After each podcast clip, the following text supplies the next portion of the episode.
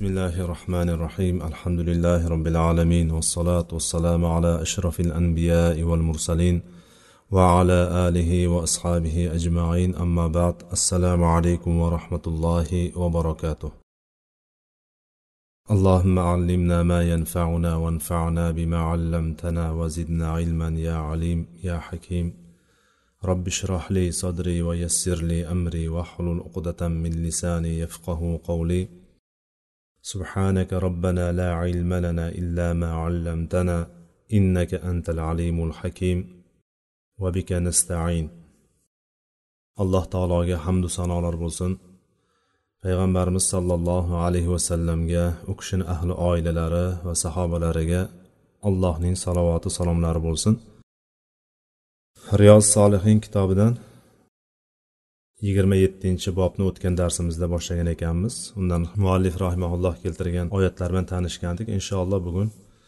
e, kelgan joyimizdan hadislar bilan tanishishga harakat qilamiz.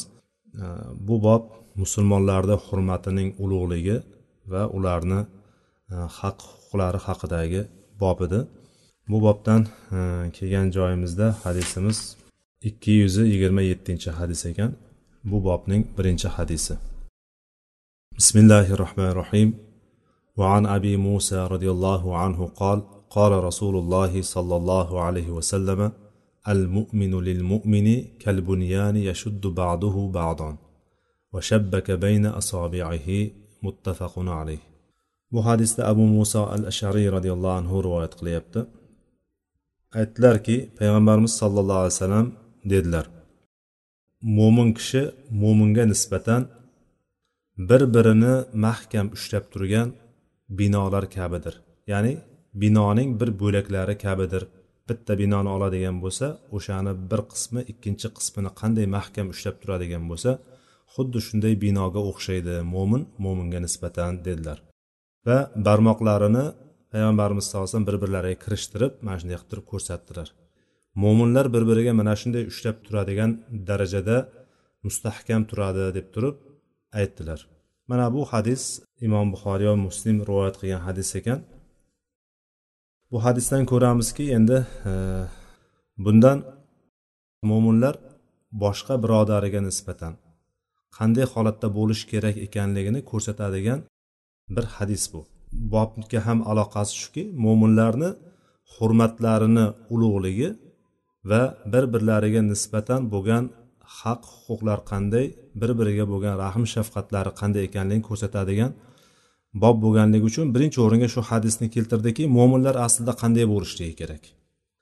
Payg'ambarimiz sollallohu alayhi vasallam vaqti vaqti bilan sahobalar yaxshiroq tushunsin degan maqsadda ya'ni bu insonni umuman insonni tabiatan shunaqa bironta bir misol bilan tushuntiradigan bo'lsa yanada yaxshiroq tushunishligiga sabab bo'ladi. Ya'ni hamma tomonni e'tiborga oladigan va o'qituvchilarning eng yaxshisi bo'lganligi uchun payg'ambarimiz sollallohu alayhi vasallam o'zlarini talabalariga ya'ni sahobalariga e, shunday chiroyli bir uslublarni tanlab o'rgatganlar. Mana shulardan bittasi mana shu hadis. Ya'ni bu yerda mo'minlar bir birlariga yordam berishligida bir birlari bilan bir butun bo'lib turib jamiyatda yashashligini go'yoki bir binoni qurilishida nima bo'ladigan bo'lsa masalan g'isht oladigan bo'lsak bitta g'ishtni bitta mo'min kishi deb oladigan bo'lsangiz ikkinchi g'ishtni boshqa bir mo'min. Ya'ni bir bitta binoni qurilishligida ya'ni islom jamiyatini bitta bino deb oladigan bo'lsak ichidagi masalan g'ishtlar har bitta mo'min har bitta shaxs ya'ni. Bularni bir biriga jips bo'lib turishligini qaraydigan bo'lsangiz inson hayratda qoladi. Chunki buni ozgina mana shu qurilish ishlaridan ozgina tushungan odamlar juda yaxshi biladi. Agar o'shani tep tep tekis qilib qurmaydigan bo'lsa o'sha g'ishtlarni tekis qilib turib ya'ni bir xil g'ishtlarni tanlaysiz birinchidan undan keyin g'ishtlarni agar bitta chiziqqa to'g'irlab turib qilmaydigan bo'lsa uy qiyshayib ketadi qiyshayib ketishligi ham yoqda tursin agar burchaklarini to'g'ri chiqarmaydigan bo'lsa og'nab ketadi ham yiqilib ham ketadi. Ya'ni bu degani mana shu orasidagi jipslik mana shunaqa bo'lishligi kerak aslida mo'minlarni o'rtasidagi aloqa. Mo'minlarni o'rtasidagi bir birlariga bo'lgan munosabat aslida mana shunday bo'lishligi kerak deb turib payg'ambarimiz hatto binoni misol qilgandan keyin ham qo'llari bilan ham barmoqlari bilan ham ko'rsatib berdilar. Mana shunday bo'lishligi kerak deb aytdilar. Ya'ni mana shunaqa jips bo'lishligi kerak bir birlari bilan mustahkam bog'langan bo'lishligi kerak deb aytdilar. Aslida shunday bo'lishligi kerak. Qachonki mana shunday bo'lgan taqdirda musulmonlarga quvvat keladi. Ana o'shanda kuch quvvatli bo'ladi. Uni tashqaridan bironta kuch yenga olmaydi. Э, modomiki bulardagi o'rtasidagi bog' boyagi aytganimizdek g'ishtlarni noto'g'ri terilishligi qiyshiq terilishligi yoki ustunlarni noto'g'ri qo'yilishligi mana shunga o'xshagan holatga kelib qoladigan bo'lsa uni tashqaridan bironta kuch kerak emas o'zi aslida yiqilib ketishligiga. O'zidan o'zi yiqilib ketaveradi. Islom tarixiga qaraydigan bo'lsak islom tarixi bunga yetarlicha o'rnaklarni keltirib tashlagan. Ya'ni islom tarixida yetarlicha o'rnaklarimiz bor bu misol misollarimiz to'lib toshib yotibdi. Musulmonlar tashqaridan bironta kuch yenga olmagan hech qachon. Hech qachon. Shu kungacha ham qaraydigan bo'lsangiz musulmonlarni tashqaridan biron bir kuch yiqita olmagan. Lekin har doim ichidan o'zi yemirilgan. Ichidan fitnachilar chiqqan ichidan sotqinlar chiqqan ichidan boylikka o'ch bo'lganlari chiqqan. Mana shu natijasida o'zlarini o'zlari yiqitgan har doim. O'zlarini o'zlari yemirgan. Bo'lmasam musulmonlarni hech kim yiqitolmagan shu paytgacha.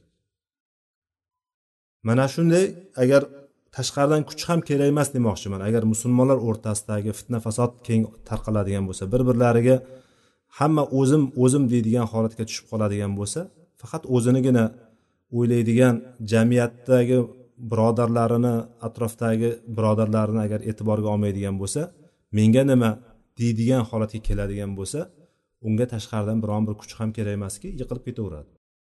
Vaholanki mana hadisda ko'ryapmizki payg'ambarimiz sollallohu alayhi vasallam mo'min mo'minga nisbatan mana shunday bo'lishligi kerak deb turib ko'rsatib berdilar. Bu faqatgina moddiy jihatdan emas ya'ni moddiy jihatdan birinchi hayolimizga keladigan narsa yordam berishlik kerak degan paytda bir biriga yordam berishligi bir biri bilan birga bo'lishligi deganimizda albatta birdan moddiy yordam hayolimizga keladi. Yo'q bu moddiy yordam bir qismi. Bir bu kichkinagina bir joyi. Lekin asosiy moddiy yordam hech bir foyda bermaydigan holatki payg'ambarimiz sollallohu alayhi vasallamga oyatda aytadiki alloh taolo agar siz butun bor narsani butun dunyoni agar sarflagan taqdiringizda ham ularni qalblarini bir biriga ulfat qilgan qilolmasdingiz. Ularni bir biriga mehr muhabbatli do'st qila olmasdingiz deb keladi. Ya'ni dunyo bilan insonlarni bir o'rtaga jamlash qiyin mumkin ham emas. Insonlarni qalblarini bir joyga jamlashlik ya'ni bittaga bitta insonday qilib turib hozir yoki bitta binoday qilishlik mumkin emas pul bilan ushlab turib bo'lmaydi hech narsani mo'minlarda iymon borki bu ma'naviy tarafi islomiy birodarchilik degan narsa bor. Islomiy birodarchilik do'stlikni ham o'zaro bir biriga nisbatan samimiyatni ham va bu ham kam bir birini yaxshi ko'rishlik bir birini haq hurmatini joyiga qo'yishlik bularni hammasi bir butun bo'lgan taqdirdagina bu bir birini mustahkam tutgan bino binoning bir bo'laklari kabi bo'la oladi. Bo'lmasam bo'la olmaydi. Biz birinchi ma'naviyatimizni to'g'irlaymiz ya'ni qalbimizni to'g'irlaymiz chunki jismimizdagi bizni jasadimizdagi eng oliy a'zomiz podshomiz qalbimiz bo'ladi. Qalbimiz to'g'irlansin. Qalbimiz to'g'irlanadigan bo'lsa bizni qolgan jasadimizdagi qolgan a'zolarimiz tilimizdan bor tortib butun qolgan a'zolarimiz hammasi o'nglanadi. Qalbimiz to'g'ri bo'ladigan bo'lsa tilimiz to'g'ri gap to'g'ri narsani gapirib boshlaydi. Qalbimiz iymonda to'la bo'ladigan bo'lsa birodarlarimizga nisbatan qalbimizda yumshoqlik qalbimizda ularga nisbatan samimiyatlik ya'ni uni qayerda bo'lsa tushirib ketishlik emas. Iloji boricha birodar sizga qilyapman deb turib kiydirib ketishlik emas. Boshqalardan olayotgan narsani birodarlardan ikki barobar qilib oladigan kishilarni ko'ramiz. O'zini mo'minman deb yurgan qanchadan beri ibodatda yurgan lekin birodariga qarshi samimiyatsizlik samimiyat yo'q. Birodar sizga qilyapman deb qo'yadi. O'zi muncha ediku birodar sizga shuni beryapman deb turib sotadi. Biron xizmat qilayotgan bo'lsa mayli boshqalarga bundayku sizga bunday deb turib aslida boshqalarga qilayotgandan ko'ra qimmatroq qilib turib sizga o'tkazadi. Bu yerda samimiyat qani? Samimiyat yo'q. Bir biriga muhabbat qani? Payg'ambarimiz sollallohu alayhi vasallam jannatga kira olmaysizlar mo'min bo'lmaganlaringcha ya'ni mo'min bo'lmasdan turib insonni qalbida iymoni mustahkam bo'lmasdan turib ya'ni qalbga iymon kirmasdan turib jannatga kirish mumkin emas.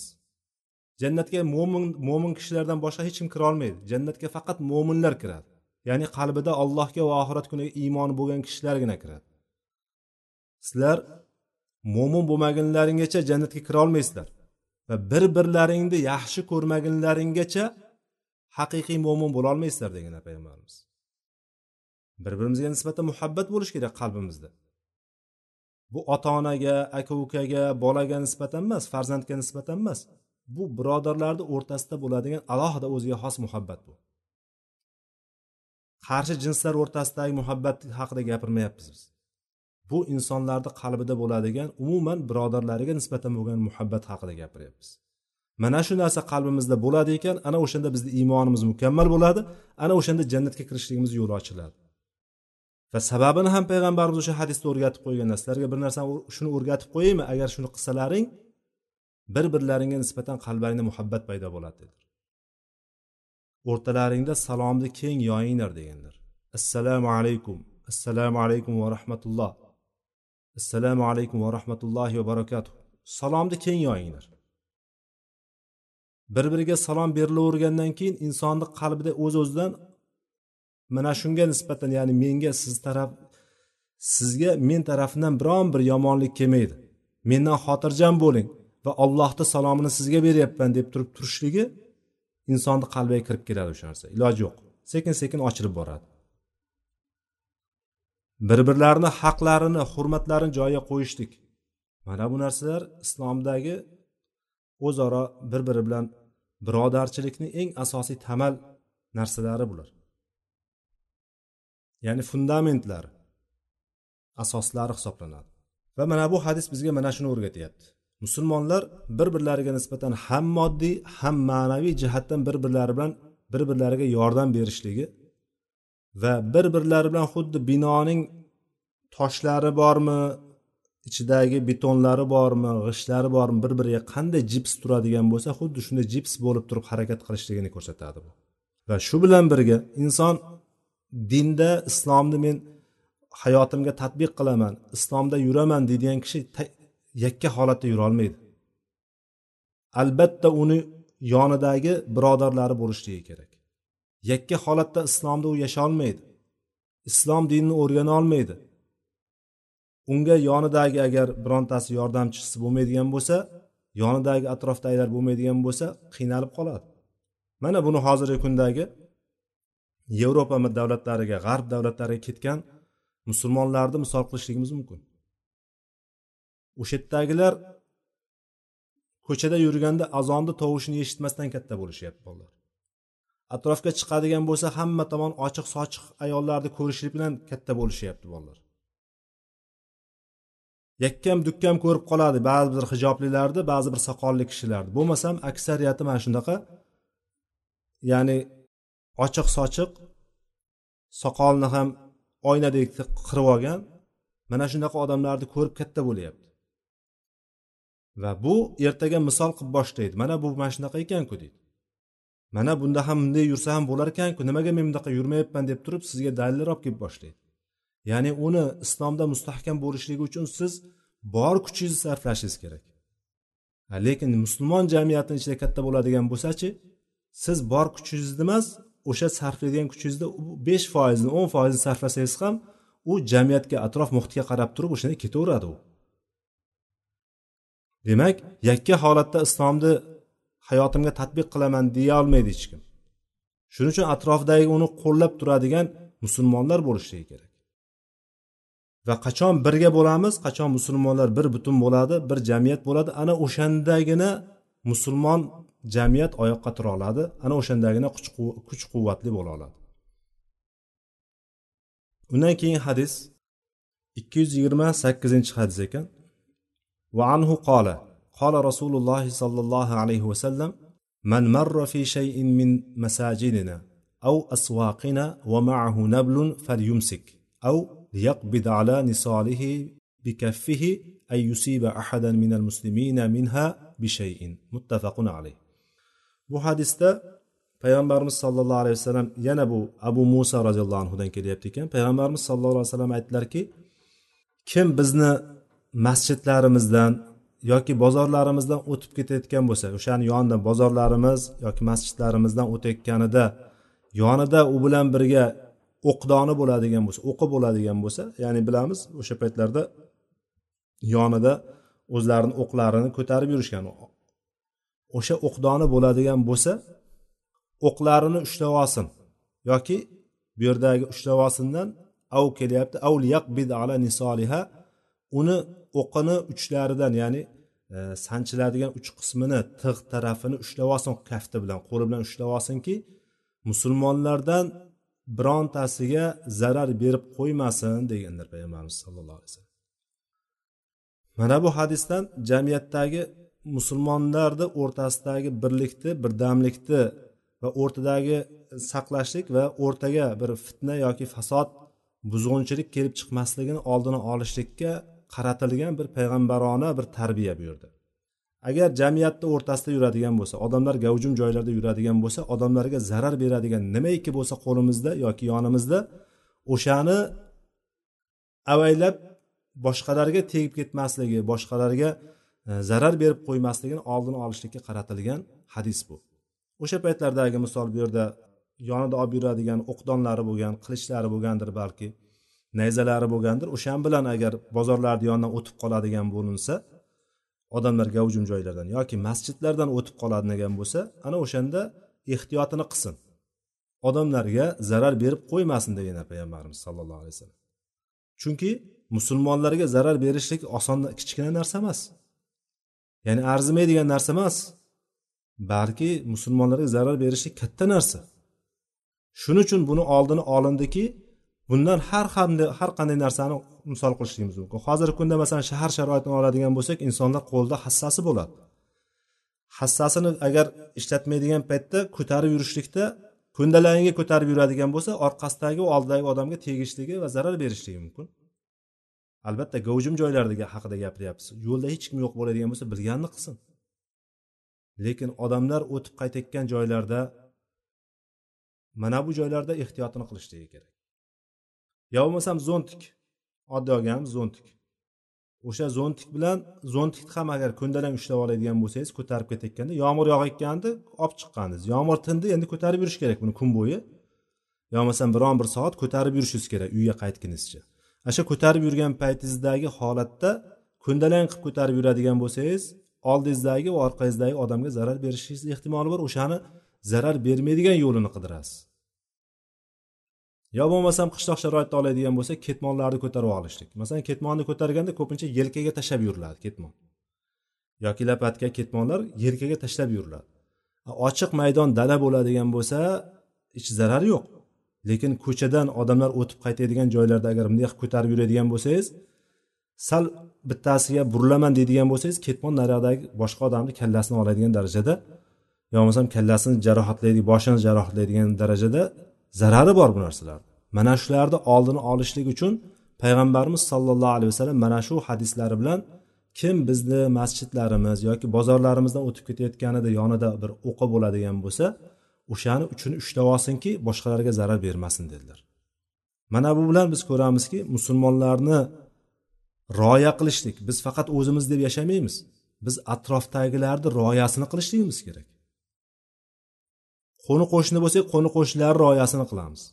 Ko'chada bo'ladigan bo'lsak tanimaydigan boshqa birodarlarimizni musulmonlarni rioyasini qilamizki dinimizni asosi mana shu. A bo'lmaydigan agar bunga rioya qilmaydigan bo'lsak o'rtada janjallar tortishuvlar kelishmovchiliklar ko'payib ketadi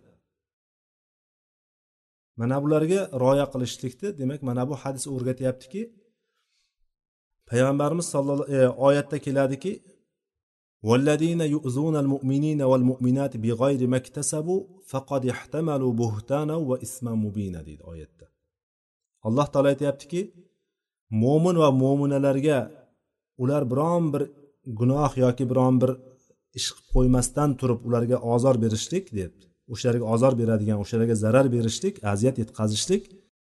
Mana bu narsani faqat ihtamalu buhtana va isma mubina dedi. Ular o'zlarini kim mana shunday e, boshqa birodariga nohaq agar ozor berayotgan bo'lsa bo'htonni va ochiq gunohni o'zini ustiga yuklab olgan bo'ladi deb aytdi. O'ziga olgan bo'ladi ya'ni bo'xton qilgan bo'ladi va gunoh ish ochiq gunoh ish qilgan bo'ladi deb turib alloh taolo oyatda ochiq aytib qo'ydiki mo'minlarga zarar berishlik mo'minlarni haqlarini huquqlarini poymol qilishlikni mana shunday oqibatlari borligini bu yerda bo'xton va ochiq gunoh deb turib alloh taolo marhamat qildi. Mana bu narsalarga demak biz e'tibor berishligimiz kerak ekan. Bu ko'cha ko'yda yurgan paytimizda masjidlarda odamlar gavjum bo'lgan bozorlarda yurgan paytimizdagi odobni bizga o'rgatyaptiki bular musulmonlar bir birlariga nisbatan rioya qilishligi kerak bo'lgan narsani o'rgatib ketyapti bu hadis undan keyin hadis وعن النعمان بن بشير رضي الله عنهما قال قال رسول الله صلى الله عليه وسلم مثل المؤمنين في توادهم وتراحمهم وتعاطفهم مثل الجسد إذا اشتكى منه عضو تداعى له سائر الجسد بالسهر والحمى متفق عليه nu'mon ibn bashir roziyallohu anhudan rivoyat qilinyapti aytadilarki payg'ambarimiz sollallohu alayhi vasallam shunday dedi mo'minlarni bir birlariga nisbatan mehr muhabbatli bo'lishliklari rahm shafqatli bo'lishliklari va bir birlariga nisbatan taatuf degani bir birlariga nisbatan shafqatli bo'lishliklari shunga o'xshaydiki bitta jasadga o'xshaydi. Mo'minlarni qaranglar bir birlariga nisbatan mehr muhabbatlari rahmdilliklari bitta jasadga o'xshab ketadi. Agar undan bitta a'zo agar og'riydigan bo'lsa bitta a'zo agar og'rib qolsa jasaddagi bitta a'zo og'rib qoladigan bo'lsa butun jasad qolganlari ham hammasi bedorlik bilan istima bilan unga sherik bo'ladi. Ya'ni deylik bitta kichkina tirnog'imiz. Oddiy bir tirnoqni misol qilaylik tirnog'imiz. Ya'ni bir arzimagan narsaga ishlatilayotgan bo'lsa tirnoqchalik qadri yo'q deb gapiriladi misol. Mana shu tirnoqchalik qadri yo'q. Asli tirnoqni kesib tashlaymiz. Kesamiz jasadimizdagi jismimizdagi o'lik hujayradan tashkil topgan narsa shu. Soch bilan tirnoq tuklar kessak ham ta'sir qilmaydi lekin buni ildizida nervlar bor. Buni bilamiz. Mana shu tirnoqchalik qadri bo'lmagan ya'ni tirnog'imiz ya'ni arzimagan narsa bo'lgan tirnog'imizki agar o'shanga bir zirabcha kiradigan bo'lsa tikon kiradigan bo'lsa buni ori agar o'sha tikanni chiqarib zirabchani olib tashlamagunimizcha butun jasadimiz bezovta bo'lamiz. Shu bilan dardimiz shu hayolimizga hech narsa kirmaydi. Faqat shu agar kechqurun uxlaydigan bo'lsak uyqumizdan uyg'otib yuboradigan darajada bo'ladi. Ya'ni mana shu kichkinagina narsa ham butun bizni hammamizni bezovta qilib qo'yyapti. Ha bu yerda musulmonlarni bir birlariga nisbatan mehr shafqati bir biriga nisbatan bo'lgan muhabbati mana shunday bo'lishligi kerak deb turib payg'ambarimiz sollallohu alayhi vasallam bitta misol qilib ko'rsatdilar. Jasadga nisbatan misol qilib ko'rsatdilar. Musulmon musulmon jamiyatni bitta inson deb tasavvur qiladigan bo'lsangiz agarchi oyog'ingizni eng kichkina barmog'idagi tirnog'ingiz ham agar o'sha yerga bir zirabcha botadigan bo'lsa zirabcha kiradigan bo'lsa o'shani ta'siridan butun jism bezovta bo'lganidek demak musulmonlardan qaysi birimiz mana shunday qiynaladigan bo'lsak qaysi birimizni boshiga balo musibat keladigan bo'lsa qaysi birimiz zulm ko'rayotgan bo'lsa mana buni butun jasad qanday bezovta bo'ladigan bo'lsa biz ham xuddi shunday bezovta bo'lishligimiz kerak. Mana shuni o'rgatyapti bu hadis. Ya'ni musulmonlar bir biriga nisbatan qanday bo'lishligi kerak deganda mana shu hadis bizga ochiq ko'rsatib turibdi. Musulmonlar bir biriga mana shunday darajada bo'lishligi kerak. Bir joy og'riydigan bo'lsa butun jasad og'rishligi kerak. Ya'ni lekin biz shu qalbimizdagi iymonimiz zaif bo'lganligi uchunmi? Yoki musulmonlarni musulmonlar o'rtasidagi o'zaro bir biriga nisbatan bo'lgan haq huquqlarni bilmasligimizdanmi? Yo haqiqatdan biz bir birodarlarimizni yaxshi ko'rolmaganimizdanmi? Birov bitta birodarimizni boshiga musibat keladigan bo'lsa bizni umuman panagi buzilmaydi. Ya'ni umuman hech qanaqa ta'sirlanmaymiz ham o'shandan. Hatto haqqiga duo ham qilib qo'yishlikka yaramay qolamiz. Hali uni bezovta bo'lib nima bo'ldi ekan deb turib fikri xayolimizni butunlay egallab olishligini gapirmay qo'yaveraylik endi. Lekin aslida bo'lishligi kerak bo'lgan narsa asosiy musibat bittasiga kelib turibdi balolanib turibdi bittasi zulmlanib turibdi to'g'ri eng katta narsani o'sha olib turibdi aslida. Lekin o'shandan ulushini qolgan urushni boshqa musulmonlar ham olishligi kerakki ya'ni ular bezovta bo'lishligi kerak. Xuddi o'zi zulmlanayotganday o'zi qiynalayotganday o'ziga bir narsa yetganday u ham mana shunday holatga kelishligi kerakda hech bo'lmasam uni haqqiga duo qilishligi kerak. Qo'lidan keladigan odam unga yordamini qo'lini cho'zishlik kerak boyagi kirgan zirabchani olib tashlashlikka harakat qilishligi kerak. Albatta biz ko'zimiz bilan olib tashlolmaymiz lekin ko'zni o'zini o'rni bormi? O'sha zirabchani kirgan tirnoqqa barmoqqa kirgan zirabchani olib tashlashda ko'zni o'rni bormi? Ko'zni o'rni bor. Qaraymiz chunki topishga harakat qilamiz. Jasadimizni qolgan qismlari qanday? Bittasi ega beradi. Mushaklar ega berasiz. Butun suyaklarimiz ham o'shanga mos bo'g'imlarimiz ham burilib beradi. Va qo'llarimiz bitta barmog'imizni bitta qo'l ushlaydigan bo'lsa ikkinchi qo'l bilan mahkam ushlab turib olishlikka harakat qilamiz. Ya'ni bunday qaraydigan bo'lsak butun jasadimiz xizmat qilyapti o'shanga qaysidir jihatda. Lekin asosiy xizmatni aytaylik ko'z qilyapti bittasini asosiy xizmatdan bittasi ko'rib beryapti. Va qo'llar qilyapti deyishligimiz mumkindir eng asosiysini lekin qolgan a'zolarimiz qarab turibdimi? Yo'q qarab turgan yo'q. Ular ham yordam beryapti. Qo'lni borishligiga vujudni egilib jasadni egilib berishligiga boshqa hammasiga. Qolganlari men ketdim ishimni qilay deb turib ketib qolgan yo'q hammasi joyida turibdi. Ya'ni o'sha ish bilan ovora hammasi. O'sha paytda oshqozon ham indamay turadi. Och bo'lib turgan bo'lsa oshqozon ham indamay turadi. Esdan chiqaradi ochligini. Sizga men ochman ey menga ovqat bergin deb turmaydi sizga. Birinchi mana shuni chiqarib yuborishlikkacha oshqozon sabr qilib turadi. Miyaga informatsiya jo'natmay turadi. Ey menga ovqat bergin tezroq ovqat bergin demay turadi suvsab turgan bo'lsangiz ham hattoki agar o'sha boyagi kirgan tikanni chiqarmagunizcha agar bezovta bo'lib turadigan bo'lsangiz suv ichish ham esdan chiqib ketadi. Suv ichish markazi ham to'xtab turadi. Ya'ni demoqchi bo'lganim bu butun organizmdagi hamma narsa o'shanga qaragan bo'ladi. Lekin voqelikka qaraydigan bo'lsak musulmonlarni holatiga qaraydigan bo'lsak musulmonlarni holati unday emas. Bo'lish kerakday emas. Risoladagiday emas. Bunga sabab nima? Bunga sabab endi sanashligimiz mumkin. Har birimiz o'zimizni isloh qilishligimiz kerak. E palonchi qamayaptiku menga nima? Palonchi domla unaqa dedi menga nima?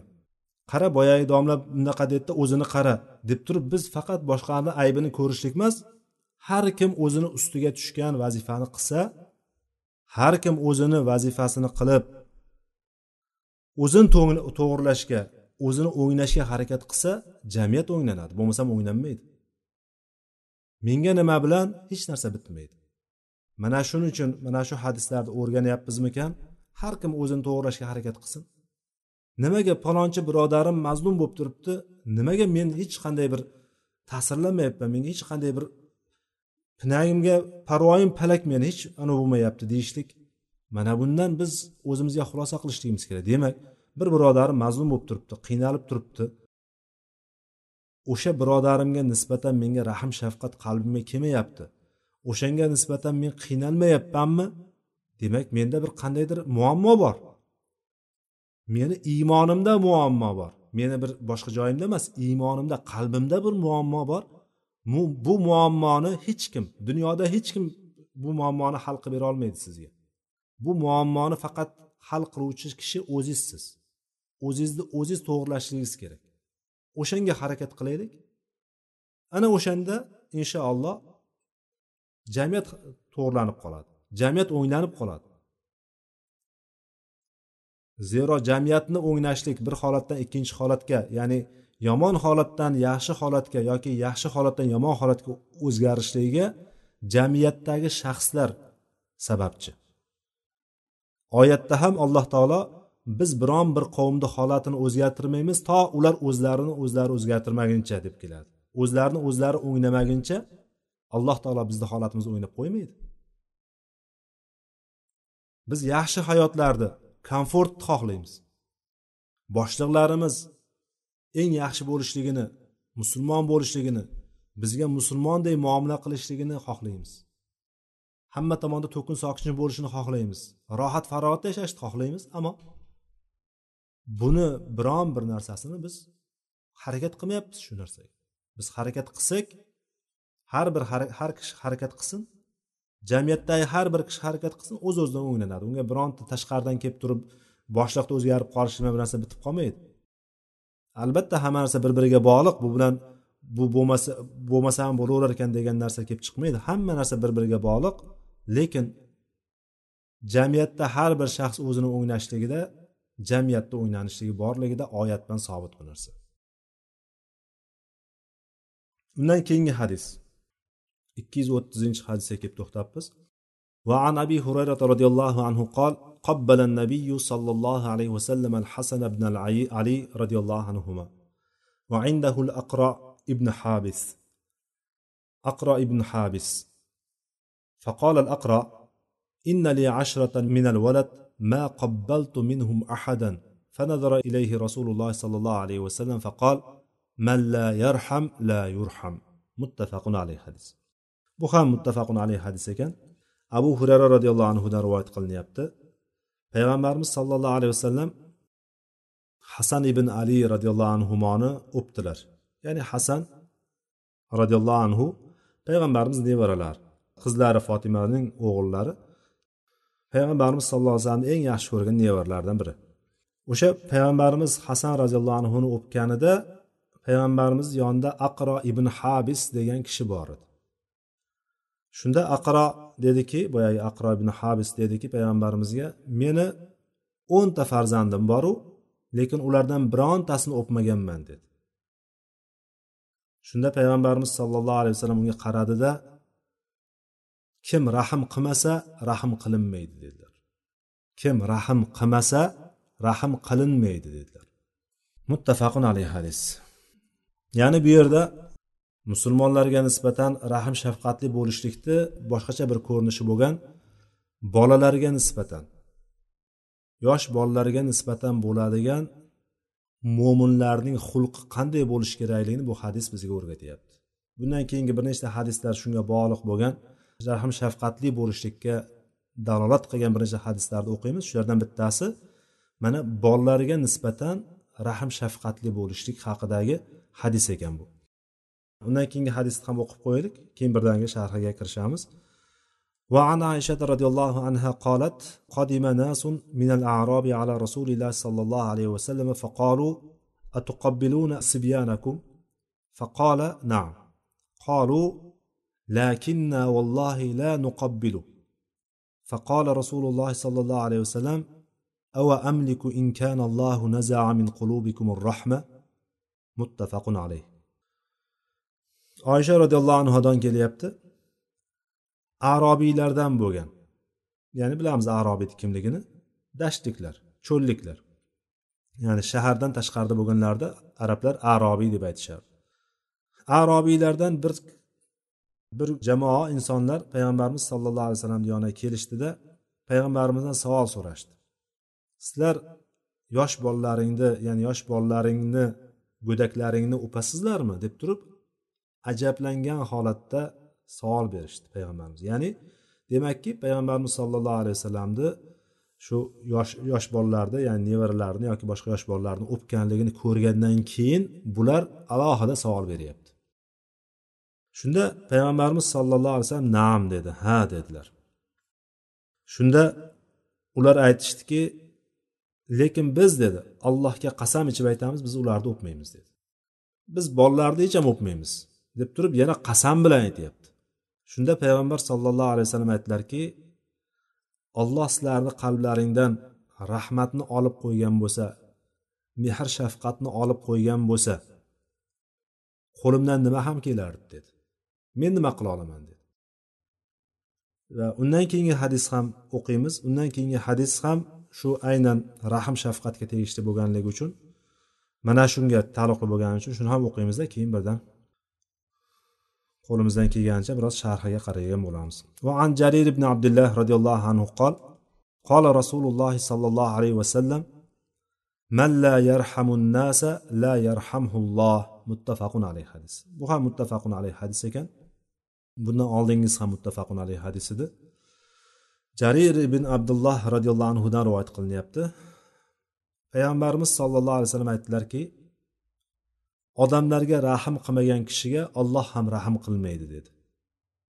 Odamlarga mehr shafqat mehribon bo'lmagan kishiga olloh ham mehribon bo'lmaydi unga rahm shafqat qilmaydi degan hadis. Endi mana shu hadislardan ko'rib turibmizki o'zi ma'nolari ham o'zi ochiq oydin. Bunga alohida bir e, narsa shart emas aslida o'zi. Yana biroz e, shuni tushunishlikka harakat qilamiz qo'ldan kelgancha sharhlariga qaragan bo'lamiz. Bu yerda rahm shafqat qilishlik. Ya'ni musulmonlarni xulqlaridan bittasi musulmonlarni hurmatini ulug'ligidan bittasi bolalarga nisbatan yosh bolalarga nisbatan rahm shafqatli bo'lishlik. O'sha rahm shafqatni ko'rsatib turadigan narsalardan bittasi bu yosh bolalarni o'pishlik erkalashlik. Arobiylarda shunaqa bir holat bor ediki arobiylarda qattiq qo'llik bag'ri toshlik bor edi. Qattiq qo'llik bilan bag'ri toshlik bor edi arobiylarda. Mana bu arobiylar bolalarini mana hozir hadislarda ko'rib turibmizki umuman o'pmaganligi kelyapti. Mana bu yerda aqro ibn habis kelyapti. Aqro ibn habis o'zi bani tamimdagi bir boshliqlardan bittasi. Bani tabim qabilasidagi boshliqlardan biri. Bu muallafati qulublarga kirgan aslida. Payg'ambarimiz sallallohu alayhi vasallam davrida qalblari islomga moyil bo'lgan kishilar. Ya'ni hali islomi to'liq bo'lmagan qalbi iymon bilan e, iymon to'lmagan kishilar. Faqat tilida islomni qabul qilganu lekin hali ham bo'lsa johiliyat narsalari qolgan kishilardan bo'lganligi zikr qilinadi. Bu bilan birga e, yana bittasi bor edi buni sherigi. Uyayna ibn hism bor edi. Uyayna ibn hisn buni oldingi darslarimizda ham e, gaplashganmiz aslida.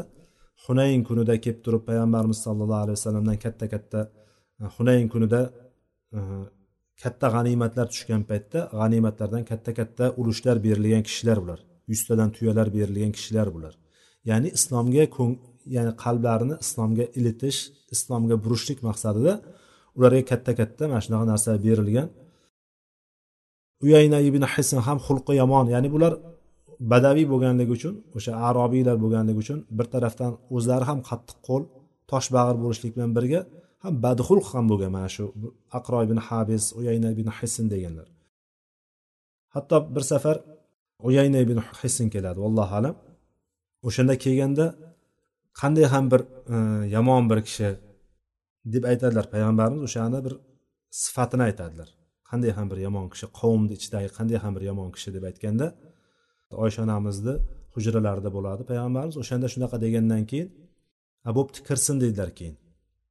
Kirgandan keyin u bilan yaxshi muomala qiladi payg'ambarimiz yaxshi muomala qiladi chiqib ketgandan keyin yo rasululloh deganingizni dedingizda yana mana bunaqa muomala qildingiz deydi. Ya'ni yaxshi bundan oldin qanday ham qavmni ichidagi qanday ham bir yomon odam dedingizda deydiganingizni dedingizda lekin yana yaxshi muomala qildingiz deb turib payg'ambarimizga qilgan ishlaridan ajablangan holatda oysha onamiz savol berganda odamlarni ichida shunday bir insonlar borki uni yomonligi tegmasin deb turib shunday bir yomon odamlar borki ular shunaqa insonlar uni yomonligi tegishligidan odamlar o'zini olib qochib yuradigan odamlar deb turib aytganlar. Ya'ni yomonligi tegib qolmasin deb turib uzoq yuradi.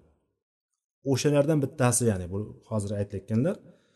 Boya ikkinchi hadisimizda insonlardan arobiylardan bir toifa insonlar kelib turib so'radi payg'ambarimizdan sizlar bolalarni yosh bolalarni o'pasizlar ekan a deb so'ra o'pasizlarmi deb so'raganda payg'ambarimiz ha degandan ba'zilar shu uyayna ibn hism bilan aqro ibn habis bo'lgan deb turib aytishadi.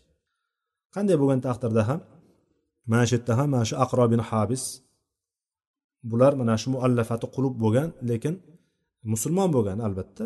Payg'ambarimiz davrida sahobalardan bittasi arobiylardan bo'lgan bani tamimni kattasi. O'sha payg'ambarimizni yonida ekan bir safar. Payg'ambarimiz sallallohu alayhi vasallam hasan roziyallohu anhuni o'pdilar. Hasan roziyallohu anhu yosh bola bo'lgan. O'sha hasan roziyallohu anhu o'pganlarida bu kishi ajablanib savol bergandi. Dediki ya siz meni o'nta farzandim bor birontasini o'pmayman dedi u. Savol bermadi. Bu bunga e, payg'ambarimizni qilgan ishini hattoki o'zini qilayotgan ishiga misol qilib turib payg'ambarimiz noto'g'ri qilayotgandek qilib ko'rsatdi men o'nta farzandim bor birontasini o'pmayman dedi. Birontasini o'pmaganman dedi. Shunda payg'ambarimiz sollallohu alayhi vasallam rahm qilmasa kim rahm qilmaydigan bo'lsa unga ham rahm qilinmaydi deb turib javob berdilar.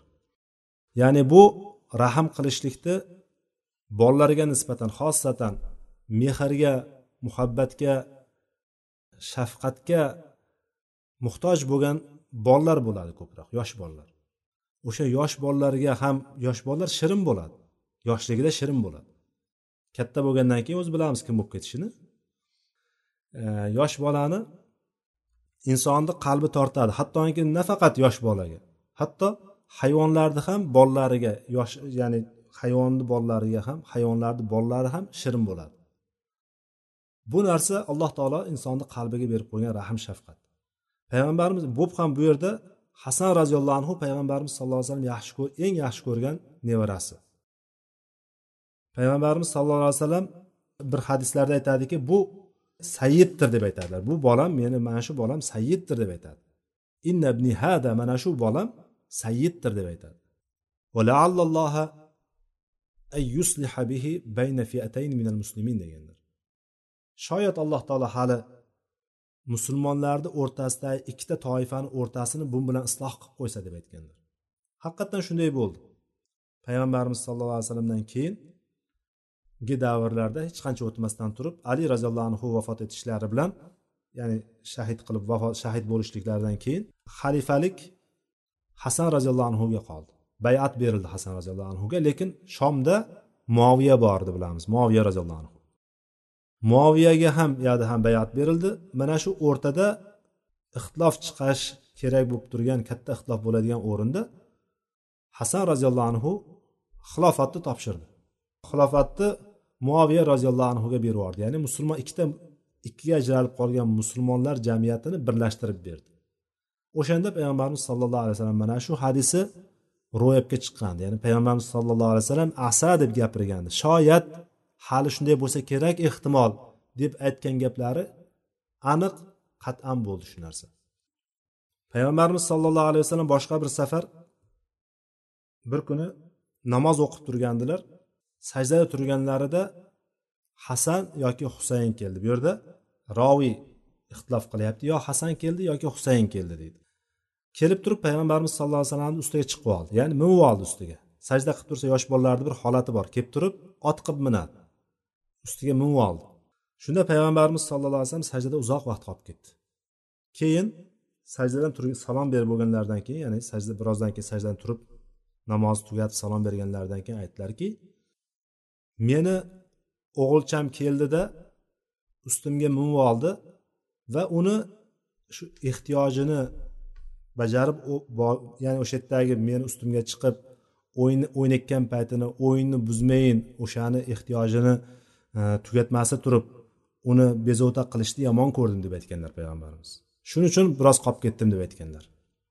Ya'ni hatto payg'ambar sollallohu alayhi vasallam namozda bo'lib ham farz namozida imom bo'lib turgan holatda mana shunga bolaga ozor bermay bo'lmasam qo'l bunday olib qo'ysa bo'ladi aslida ustidagi narsa. Lekin payg'ambarimiz o'shani ham qilmadilarki bunga rahm shafqatni ko'rsatdi o'sha yerda boshqa safar bir qizlari kelib qoldi. Namozga namoz boshlayotgan paytlarida qizlari kelib qoldi. Bu e, yo asrda yo peshinda bo'lganligi haqida roviylarni o'rtasida ixtilof bor. Yo peshinda yo asr deb aytgan sahobalar. Shunda umoma kelib qoldi. Payg'ambarimiz sallallohu alayhi vasallamni nevaralari bu ham qizlarini qizi. O'shanda umoma kichkina qizcha edi. Emaklab keldi yoki yugurib keldi. Ya'ni bu degani yo ikki yoshgacha bo'lgan yo uch yoshdan kichkina bo'lgan. Xullas uch yoshdan kichkina bo'lgan holat. Allohu alam. Shunda payg'ambarimiz sallallohu alayhi vasallam ko'tarib namoz o'qidilar. Qizchani qo'ynlariga olib turib imomlik qildilar. Imomlik qilgan paytlarida ko'tarib olgandilar. Sajdaga borayotgan paytda qo'yib qo'yardilar pastga. Sajdadan qaytib turayotgan paytlarida yana ko'tarib olardilar. Mana shunday qilib turib imomlik qildilar. Bu yerda arablardagi xilof bo'lgan arablardagi o'sha odatlariga ko'ra qizlarni yoqtirmasdi. Payg'ambarimiz sollallohu alayhi vasallam imomlik qilayotgan o'rinda qiz farzandini ya'ni nevaralarini ko'tarib namoz o'qishligi ularga katta dars bo'ldi. Bir boshqa safar payg'ambarimiz sollallohu alayhi vasallam xutba qilib turuvdilar. Odamlarga minbarni ustida xutba qilib turuvdilar. Hasan bilan husayn kelib qoldi. Yugurib kelib qolishdi. Masjidga kirib kelishdi kichkina bolalar endi bular. Yugurib kelib qolishdida ustilarida bir yangi kiyim kiyib olishgandi yangi kiyim kiyib yuborishgandi yaltirab yangi kiyimlarni kiyib olishgandi payg'ambarimiz sollallohu alayhi vasallam tushdilarda u ikkalasini ko'tardilar. Oldilar qo'ynlariga oldilar yonlariga o'tirg'izdilar. Shunda aytdilarki orqasidan sadaqalloh dedilar. Olloh to'g'ri aytgan ekan. Innama amvalukum va avladukum fitna dedilar. Albatta oyatda albatta sizlarni mollaringiz va farzandlaringiz fitnadir ya'ni chalg'ituvchi narsadir deb to'g'ri aytgan ekan deb turib payg'ambarimiz sallallohu alayhi vasallam aytib qo'ydilar mana bu bolalarim meni keldida bularni ko'rgandan keyin bularni mana shunday yangi kiyimlarni kiyib olib turib shunday kelganlarini ko'rgandan keyin falam asbir dedilar ya'ni sabr qila olmadim dedilar. Ya'ni xutbani ham to'xtatib bolalarni qo'yniga oldilar. Qaranglar ya'ni payg'ambar sollallohu alayhi vasallamdagi mehr muruvvat mana shunday bo'lgan. Mana bu narsa payg'ambar sollallohu alayhi vasallamdagi bu narsa bolalarga nisbatan qanday muomalada bo'lishligimiz kerak? Hatto hayvonlarga ham nisbatan hayvonni bolalar hayvonlarga ham nisbatan qanday muomalada bo'lishligimiz kerak ekanligini payg'ambarimiz sollallohu alayhi vasallamni hadislarida juda yaxshi biz yetarlicha ma'lumotni olamiz. Ya'ni bu degani bolalarga nisbatan xosatan yosh bolalarga nisbatan rahm shafqatli mehr muruvvatli bo'lishligi kerak ekanligini ko'rsatadi. Chunki orqasida agar kimda kim mana shuni qilmaydigan bo'lsa kim rahm qilmaydigan bo'lsa alloh ham unga rahm qilmaydi dedi.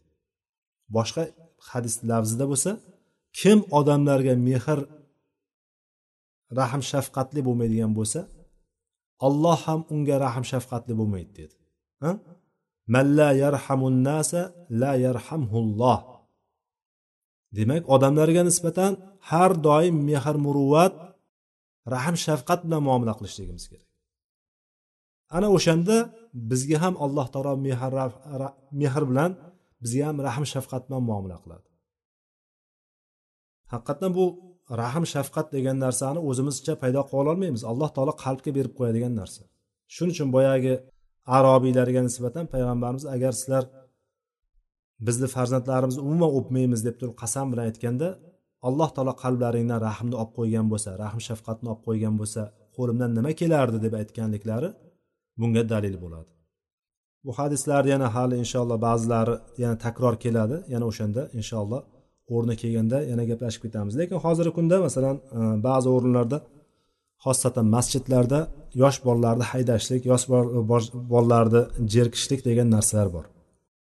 Mana bu narsalarga demak biroz e'tibor qaratib diqqatliroq bo'lishligimiz kerakki bolalarga ozor berib qo'yishlik bolalarga e, rahm shafqat qilmaslik bu narsa payg'ambarimiz sollallohu alayhi vasallamni hadislariga binoan kim rahm qilmaydigan bo'lsa alloh ham unga rahm qilmaydi degan joyga tushib qolishligidan o'zi ham o'ziga ham rahm qilinmasligini o'ylagan holatda bolalarga nisbatan biroz yumshoqroq va biroz rahm shafqatliroq bo'lib turib muomala qilishlikni ko'rsatadi ekan bu hadis undan keyingi hadis ham xuddi shunga taalluqli bo'lgani uchun buni ham o'qib qo'yamiz عن أبي هريرة رضي الله عنه أن رسول الله صلى الله عليه وسلم قال إذا صلى أحدكم للناس فليخفف فإن فيهم الضعيف والسقيم والكبير وإذا صلى أحدكم لنفسه فليطول ما شاء متفق عليه وفي رواية وذا الحاجة abu hurayra roziyallohu anhudan rivoyat qilinyapti payg'ambarimiz sallallohu alayhi vasallam aytdilarki sizlardan bittalaringiz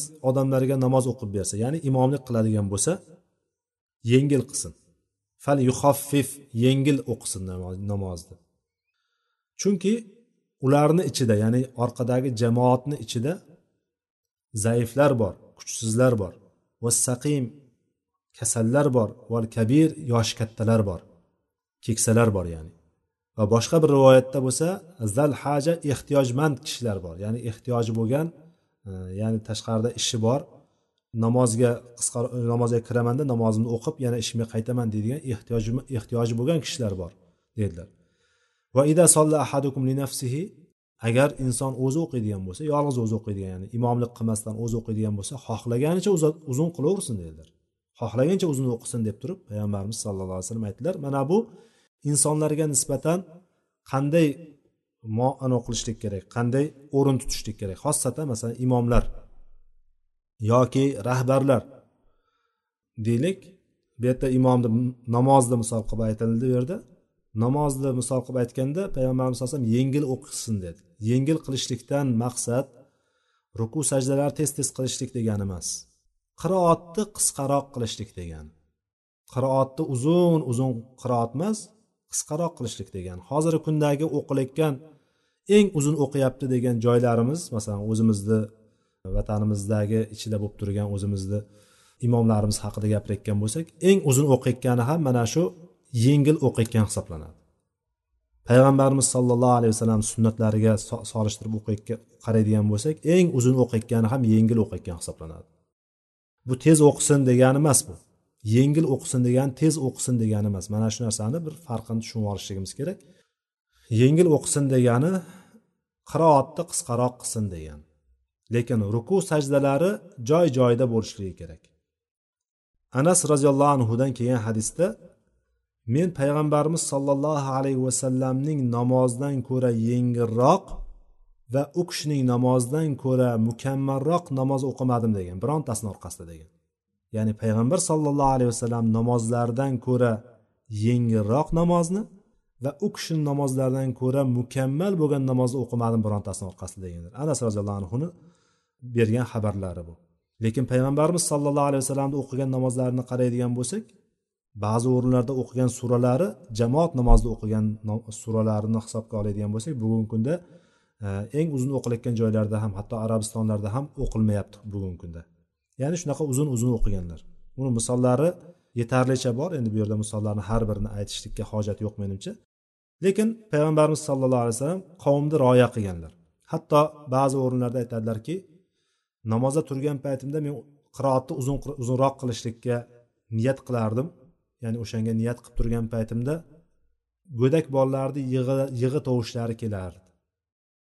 Yosh bolalarni yig'lagan tovushlari kelgandan onalariga mehr shafqat ko'rsataman deb turib ya'ni onalari qiynalmasin shularni deb turib qisqaroq qilardim deb aytadi. O'shanda qisqa surani o'qiganligi ba'zi bir rivoyatlarga qaraganda o'shanda inna atoynakal kavsar surasini o'qiganligini rivoyatlari keladi. Mana shu yig'lab qolgan paytda shuni o'qiganlar deb turib aytadi. Ya'ni namozni ichida ham hattoki agar ba'zi bir ehtiyoj tug'ilib qoladigan bo'lsa mana shunga o'xshagan kimlarnidir rioyasini qilishlik bu namozni e, ixlosga namozdagi xushuga putur yetkazmaydi. Chunki payg'ambarimiz sallallohu alayhi vasallam buni qilganlar. Biz shariatni payg'ambarimiz sallallohu alayhi vasallamdan o'rganamiz. O'zimizcha bizni aqlimizga kelgan narsalar bilan emas. Bolaga mehr shafqat ko'rsatishlik namozga zarar bermadi. Mana yuqoridagi hadisda payg'ambarimiz sallallohu alayhi vasallam sajdada qolib ketdilar. Nima sabab bo'lyapti sajda uzun qolishligiga ustilariga bir nevaralaridan bittasi chiqib qoldi yo bo'lmasam payg'ambarimiz sollallohu alayhi vasallam namozda ko'tarib o'qidilar. Rukuga ketayotgan sajdaga ketayotgan paytda pastga qo'yib turib turayotgan paytda yana oldilar. Ya'ni bu boshqa tarafdan qaraydigan fiqhiy nazar bilan qaraydigan bo'lsangiz xosatan hanafiy mazhabida ortiqcha harakatga qilgan namoz botil bo'ladi deydi. Bunda payg'ambar sallallohu alayhi vasallam namoz nima bo'ladi deydigan bo'lsa ular javob bera olmaydi. Ya'ni bu yerda demoqchi bo'lgan narsam payg'ambarimiz sollallohu alayhi vasallam bizga o'rgatib ketgan shariat mana shu shariat hisoblanadi. Mana shu harakatlar payg'ambarimiz sollallohu alayhi vasallam ko'rsatib ketgan harakatlar namozni ichidagi harakatlar bular namozga na xushuga na ixlosga birontasiga zarar yetkazmaydi. Balki bu narsa kerak bo'lgan narsa ya'ni bolalarga nisbatan bo'ladigan rahm shafqatni o'sha o'rinda ham qo'llashlik degani bu. Yoki insonlarni rioyasini qilishlik deganimiz hozirgi aytganimiz hadisda onalariga achinganimdan onalarini qiynab qo'ymaslikni xohlaganligim uchun qisqa qilardim deb aytyapti. Lekin asli niyatim nima? Niyatlari uzun namoz o'qishlik. Uzun qiroat qilishlik bo'lgan. Lekin o'shanga rioya qilgan. Mana bu narsa namozga ta'sir qilmasligini bilishligimiz kerak bo'ladi. Demak shu imom bo'layotgan kishi umumiy jamoatni rioyasini qilishlik kelib chiqyapti. Umumiy rioyasini qilishlik bilan kimga rioya qilyapmiz biz? Musulmonlarga. Yuqoridagi o'tgan hamma rahm shafqatli bo'lishlikka targ'ib bo'lgan narsalar nuqtasini oxirida aytib ketaman. Mana musulmonlarga nisbatan. Lekin kofirlarga nisbatan qanday bo'lishligimiz kerak? Kofirlarga nisbatan biz o'zimizni oliy tutishligimiz kerak.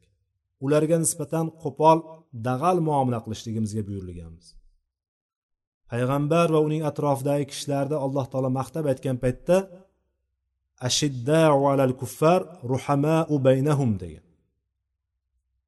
Ya'ni kofirlarga nisbatan qattiq qo'l qattiq bo'lib muomala qiladilar. Musulmonlarga nisbatan o'zaro bo'lsa o'zaro rahmdil bo'lib turib mehribon bo'lib turib bir birlari bilan muomala qiladi degan. Yoki boshqa oyatda payg'ambarimiz sollallohu alayhi vasallamga kelgan oyatda ya ayyuhan nabiyyu jahidil kuffara val munafiqina vag'luz alayhim deydi. Ey payg'ambar kofirlarga va munofiqlarga qarshi jihod qiling.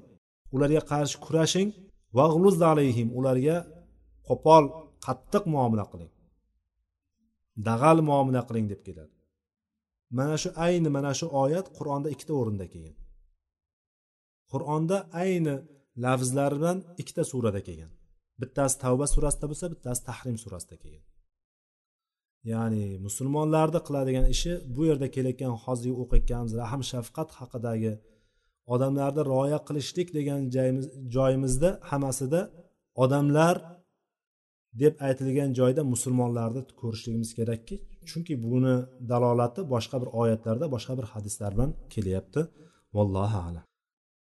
Inshaalloh hali bu e, mavzu hali davom etadi ya'ni rahm shafqatga taalluqli bo'lgan va bunga e, musulmonlarni haq huquqlariga tegishli bo'lgan hadislar hali davom etadi inshaalloh keyingi darsimizdan davom ettiramiz والله أعلم وآخر دعوانا أن الحمد لله رب العالمين سبحانك اللهم وبحمدك أشهد أن لا إله إلا أنت أستغفرك وأتوب إليك والسلام عليكم ورحمة الله وبركاته